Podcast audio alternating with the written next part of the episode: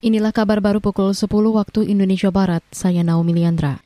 Satuan Tugas Penanganan COVID-19 menyatakan saat ini mobilitas masyarakat sudah tidak dibatasi lagi. Ketua Satgas COVID-19 Suharyanto mengatakan, meski begitu protokol kesehatan tetap harus terus dijalankan sebagai kunci mencegah penularan virus corona. Nah kalau kita batasi lagi terkait dengan mobilitas, ini tentu saja juga berpengaruh kepada ekonomi karena untuk mobilitas ini tentu saja sudah tidak dibatasi lagi. Jawabannya adalah tentu saja menegakkan protokol kesehatan, yaitu utamanya memakai masker dan vaksinasi. Ketua Satgas COVID-19 Suharyanto mengatakan, situasi mobilitas masyarakat saat ini sudah seperti sebelum adanya pandemi COVID-19. Bahkan menurutnya mobilitas masyarakat lebih tinggi lagi.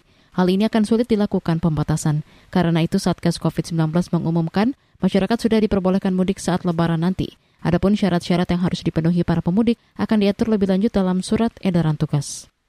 Komisi Energi DPR mempertanyakan lembaga yang berwenang mencabut izin usaha pertambangan. Ketua Komisi Energi DPR Sugeng Suparwoto mengatakan, berdasarkan undang-undang, kementerian yang berwenang mencabut izin tambang adalah Kementerian Energi dan Sumber Daya Mineral. Namun ternyata pada awal tahun ini pencabutan izin dilakukan Kementerian Investasi atau Badan Koordinasi Penanaman Modal BKPM. Beberapa hal yang menjadi krusial dan tadi memang penting dibahas, di antaranya menjadi garis bawahi kita bahwa undang-undang menyatakan yang dimaksud menteri adalah menteri SDM. Betul? Ini penting.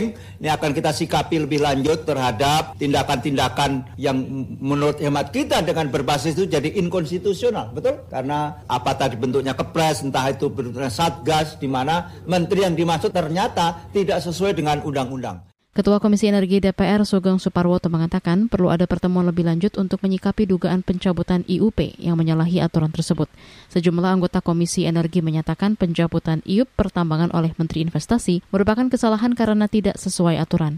Sebelumnya Menteri Investasi Bahlil Lahadalia mencabut lebih dari 2.000 izin usaha pertambangan untuk memperbaiki tata kelola sumber daya alam SDA. Kita ke lantai bursa. Perdagangan saham di Bursa Efek Indonesia hari ini dibuka dinamis naik turun di zona hijau.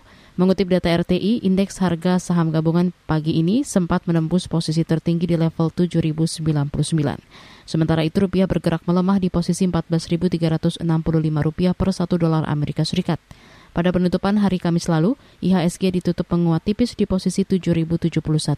Sedangkan rupiah pada akhir pekan lalu ditutup melemah di posisi 14.363 rupiah per 1 dolar Amerika Serikat. Demikian kabar baru KBR, saya Naomi Liandra.